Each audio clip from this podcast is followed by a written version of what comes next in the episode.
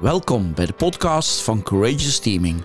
Een podcast over kiezen van moed, werken in teams en over praktisch toepasbare inzichten voor leiders en teams. Vandaag is het thema van afbreken naar opbouwen. Over één vraag die gaat helpen als mensen in een afbrekende modus zitten. Eigenlijk als ik eh, op vrijdag uh, zo eens opsta, hey, wat was eigenlijk het thema voor mij wat er deze week uitspringt? En toen ik mezelf die vraag vanochtend stelde, toen moest ik opeens denken aan het principe van afbreken naar opbouwen. En dat kwam omdat we een aantal momenten meegemaakt hebben die me daar ontzettend aan deden denken. Momenten waarin mensen heel erg bleven hangen in allerlei problematiek uit het verleden. En daardoor maar niet het werk doen of een project leiden. Ze waren vooral aan het vertellen wat er allemaal misgegaan was in het verleden. Ook momenten waarop een directeur die ik spreek eigenlijk super kritisch, beschuldigend bijna over zijn mensen spreekt. Ja. Wat is nou de promise die je maakt? Dus als mensen dit uh, prachtige verhaal van ons zo meteen het eind van de podcast zijn, wat hebben we ze dan gegeven? En, uh, ik, ik hoop een, een, een inzicht. Eigenlijk één vraag die je kunt stellen aan jezelf of aan iemand anders als je merkt, potverdorie die zit in een afbrekende modus. Dit draagt niet bij. Super, dus je zegt eigenlijk als je dan weer voor jouw gevoel een azijnpisser tegenkomt, hoe je daar dan op de beste manier toch mee kunt omgaan. Zonder dat je zelf hetzelfde gaat doen. Hè? Ja, de creativity killers. Degene die er eigenlijk altijd net even weten te benoemen waarom het niet gaat. Of wat er allemaal verkeerd gaat. Wat heb je dan te doen? Ja. En voor de duidelijkheid, soms ben ik die azijnpisser zelf. Want ik yes. heb natuurlijk ook soms last van mijn verleden en van mijn, mijn frustraties en ga maar door. Dus... Jij, jij wel? Ja, daar kunnen we jou niet op betrappen, dat is waar. Helemaal goed. Dus Ewout, casus. Nou, vertel jij er nou eens een. Gewoon eentje, een situatie, daar ben ik, eh, bij mij betreft hoeft het niet eens met deze week te maken te hebben, maar echt een situatie die voor jou echt een voorbeeld is van, ja, weet je, waar, waar een azijnzeiker eigenlijk een hele groep gevangen houdt en hoe dat kan veranderen. Nou, ik heb natuurlijk bij klanten, maar misschien waar ik wel het meest eh, te raken ben, is uh, ook in je eigen familie de, of, of in je eigen gezin. Daar is het ook af en toe zo dat een van je gezinsleden er gewoon niet goed in zit en dan, uh, dan, dat, dan niks is dan goed. Hè, dus alles wat er bedacht wordt voor. En, en, en dan voel je gewoon een vrachtwagen vol negativiteit en cynisme en uh, alle stoplichten staan op rood. Dat wordt dan uitgestort over de rest van het gezin. En hoe ga je daar dan mee om? Dat als je zo op de proef gesteld wordt, dat blijven hangen in, in de moed van wat er dan is. Dus ja, heel herkenbaar. Dus alles prikkelt in je lijf dan. Van, van boosheid, frustratie. Dus dat, dat gevoel. En daar heb je voor mij de kern. Dat vind ik nou zo tof. Dus als, het, als je bij jezelf, maar je merkt dat ook bij anderen, als je die emoties ervaart, boosheid, frustratie, alles wat in de hoek van woede zit, of soms is het ook alles wat in de hoek van teleurstelling zit, ja. of nog erger, alles wat in de hoek van angst en zorgen zit dat je dan kunt inzien, hé, hey, hier wordt me iets verteld. Hier zit iets achter. En wat zit er achter? Er zit altijd iets van waarde achter. En kun je daar bij jezelf, maar ook bij een ander op, naar op zoek gaan. En dat vind ik zo'n ontzettend mooie omslag. Als dat lukt, als iemand helemaal verkrampt in die woede zit. En dat je dat even kunt laten gebeuren. En dan kunt vragen, maar wat is nou eigenlijk de waarde? Wat is je echte verlangen? Wat wil je nou eigenlijk echt graag? dat er dan een ongelooflijk mooi gesprek ontstaat. Ja, alles wat je raakt, de ondankbaarheid, hè, je hebt van alles geprobeerd. En er wordt niet, wordt niet dankbaar op gereageerd. Beschuldig ook. Eigenlijk voel je het is jouw schuld. Hè? Dat is de, of je voelt je verantwoordelijk en je voelt je beschuldigd. Dus eigenlijk alles in jouw lijf, adrenaline stroomt om. Hier komt Mohamed Ali of Joe Frazier. Ik ga je echt dat voor de mensen die, uh, die jongere luisteraars, dit is een paar eeuwen geleden redelijk goede boxers. Ik ga je nou echt helemaal in elkaar fietsen, want ik ben hier helemaal klaar mee. Dat is eigenlijk het liefst wat ik zou doen. Dat is wat mijn reptiele brein mij ingeeft.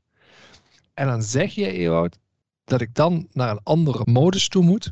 Ik moet iets even iets doen. En dan denken van, maar wacht even, wat wil die ander nou eigenlijk heel erg graag? En dat ik dat soort vragen ga stellen om die ander ook in een andere modus te krijgen. Dat, dat is eigenlijk wat jij me hier probeert te vertellen. Klopt dat? Of je het moet, weet ik niet. Dus dat was interessant. Als je het wil, vind ik het zelf een fenomenaal vermogen om bij jezelf te trainen. Het vermogen om te ervaren, ik ervaar nu ook die boosheid die daar komt. Net zoals je die, die thuis net ook schetst. Ja. En ben ik in dat moment in staat om te zien, hé, hey, wacht even, ik kan nu ook een andere keuze nog nemen. Ik vroeg me af of jullie me eens naar die corporate wereld willen nemen. Want die manager die nou uh, zit te luisteren, die denkt van leuk, zo'n thuisvoorbeeld. Hoe kom ik ze tegen in het bedrijfsleven? Of wat heb ik aan en wat kan ik eraan doen als manager? Patrick, ik heb een prachtig voorbeeld van ergens een directeur die in zijn frustratie, zijn boosheid, eigenlijk continu vertelt wat hij wil, niet wil. Wat hij wil voorkomen. Ik wil niet dat ik steeds politieagent ben tussen jullie in. Ik wil niet dat ik continu iedereen achter de broek aan moet zitten en het voor elkaar moet krijgen. Dat was eigenlijk de modus waar die in zat. En die kwam voort uit een soort boosheid. En het was prachtig om daarbij te zijn, want je merkte dat die groep, die energie ook weggetrokken werd. En dat er een soort afstand ontstaat, een soort verwijdering.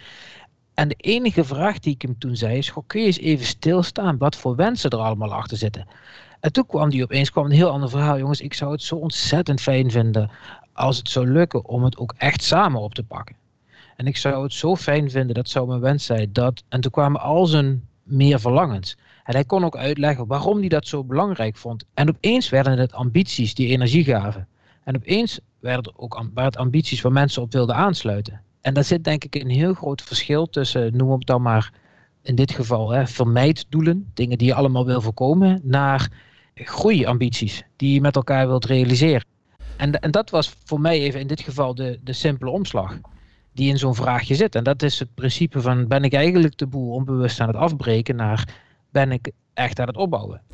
Maar wat, wat jij eigenlijk aan het doen bent, en volgens mij kan een manager dat ook zelf, is als ik even denk aan zo die ijsbergmetafoor, hè, dus boven het water heb je zijn gedrag. Als hij eventjes wat dieper kijkt, dan zeg je, wat is nou die emotie of die gedachte ja. die erachter zit? En als je dan nog dieper gaat, kijk je van, ja, wat zit er van behoefte achter mijn emotie? Dat is eigenlijk wat ik jou hoor zeggen. Ja, en daar sla je de spijker mee op zijn kop. Dus als die rottigheid op jou afgeschoten wordt, kun je dan proberen, ga erachter kijken, wat zit erachter, wat wil je eigenlijk heel erg graag. Dus als iemand zegt, de eerste maanden in dit project waren echt zo verschrikkelijk. Niemand luisterde naar me en ik heb het tig keer gezegd. En daar zit je even in vast, kun je dan ombuigen naar. En wat wou je toen heel erg graag, wat niet gelukt is, maar wat we misschien straks wel kunnen gaan doen? Wat vind jij heel waardevol dan? Wat we toen nog niet hadden. Maar... Dus het is een uiting van iets wat ze heel erg graag willen. En dus in plaats van dat je het persoonlijk neemt, want dat is de ingewikkelde stap.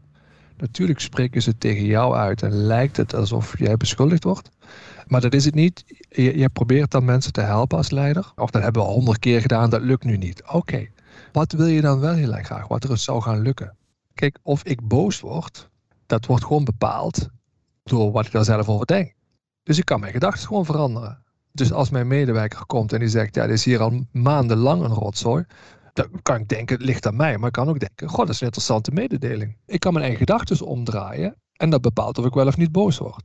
Dus ik kan daarmee spelen. Wat je boos maakt, is hoe je erover denkt. En daar heb je invloed op, hoe je erover denkt. En toch denk ik dat er iets van een vermogen moet zijn om dit te kunnen, André. Als ik even kijk naar, nou, nou noem eens wat. Ik kijk op Facebook naar een bericht over de minister-president. En als je dan naar de opmerkingen kijkt, dan hebben mensen allemaal hun boosheid geuit. En ze hadden ook de keuze kunnen maken om dat niet te doen. Dus het lijkt niet een makkelijke keuze om even die knop om te zetten. Het is ook nog geen uh, vanzelfsprekendheid. Dit is een mooi voorbeeld waarin je ziet hoeveel werk we met z'n allen nog te verrichten hebben. Want als je boos bent, stel je dan zelf de vraag van... hé, hey, en wat is nou nuttig om te doen voor het, voor het geheel, voor ons allemaal? Is, is dit nou nuttig om mijn boosheid een beetje te uiten of niet?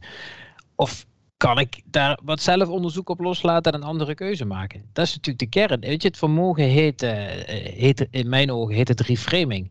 En dat is iets wat, wat een, ontiegelijk belangrijk, vooral uh, leiderschapsvermogen is. Kun jij de situatie omdraaien? Kun je een negatieve situatie weer omdraaien naar een, uh, naar een positieve situatie die energie geeft? Kun je in situaties van angst zorgen dat er nou, misschien wel wat meer moed ontstaat. Of in momenten van spanning zorgen dat er wat meer ruimte ontstaat door de wijze, de woorden die jij kiest. En daar moet je eerst bewust zijn van wat je ervaart. En dan pas kun je kiezen, oké, wat wordt er hier nu van me gevraagd?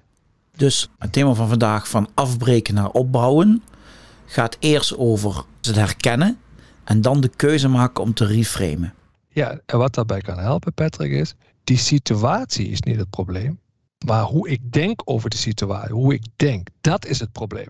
Dus ik kan heel erg boos worden als ik denk: oh, die vaccinatie gaat zo langzaam in Nederland. Ik baal ervan en ik wil zo graag, zoals zoveel, iets gaan doen. Dat kan mij heel boos maken. Door er zo over te denken. En door er anders over te gaan denken, kan ik ook anders gaan handelen. En dan koop ik eigenlijk tijd bij mezelf. En dan ben ik geen, geen dier wat uh, de prikkel krijgt en dan een automatische respons heeft. Pavlov-reactie. Maar kan ik tijd kopen tussen wat is de situatie? hey, ik voel van alles en ik denk er blijkbaar heel negatief over. Kan ik dat anders in mijn hoofd krijgen? En dan, wat is dan een hele constructieve vraag die ik kan gaan stellen? Om de ander ook te gaan helpen van, maar wat wil je dan heel erg graag? En hoe kunnen we daar, dat is de tweede stap, waar wij wel invloed op hebben, hoe kunnen wij daar dan iets aan gaan doen? Dus als we niet gevaccineerd zijn en we hebben toch behoefte aan allerlei leuke dingen, hoe kunnen we dat dan gaan creëren? Dan help ik mezelf, rethinking, en hoe kan ik de ander helpen? Is dat ook de call to action in wat dat we zouden kunnen erin leggen voor de luisteraar? Mhm. wat, wat zou ik mee kunnen gaan experimenteren? Wat mij betreft, met de, eh, regelmatig in situaties jezelf even de tijd gunnen om die vraag te stellen. Aan jezelf of aan een ander als je merkt dat hij boos wordt. Laat hem eens even lekker uitrazen en stel dan de vraag: Goh, joh, ik zie dat je boos wordt. Wat is eigenlijk, wat wil je nou eigenlijk heel erg graag? En kunnen we elkaar daarbij helpen? Ik moest ook nog denken aan een anekdote die ik deze week tegenkwam en hoe die hierbij past. Iemand die werd beschuldigd dat hij niet integer was. En dat raakte hem tot op het bot. En uh, toen hij daar uiting aan kon geven en daar kon ventileren, was de tweede vraag: Weet je, hoe kun je hier anders over gaan denken? Want die situatie kun je niet veranderen. Zodat je ergens in getraind wordt nu, de komende week, waardoor je ergens heel erg veel beter in wordt. Dus het was ook voor hemzelf het herdenken over een situatie. En, en daar had hij ook invloed op, hoe hij daarover kon. En dat vond ik wel weer een hele mooie, om er zelf mee om te gaan. Met frustratie, boosheid, onrecht, in dit geval wat jou wordt aangedaan. Reframen, nou, die kan de situatie niet veranderen, maar wel welke kans biedt mij dit? Waar kan ik dan beter in worden? Dat zou kunnen zijn om ook met dit soort hele moeilijke situaties stabiel om te gaan. Dus die cirkel van invloed, die speelt hier een enorme grote rol bij dat reframen. Ja, ja. je slaat de spijker weer op zijn kop. Dus het je richten op waar heb ik hier wel invloed op, is daarbij super handig. Dat is, dat is de eerste. En het tweede is, het is ons ook weer gelukt om het weer heel serieus, zoals de luisteraar dat van ons gewend is, te eindigen. Ja. Ik uh, ga op de fiets de Maastunnel. Ik ga een biertje onderweg nemen.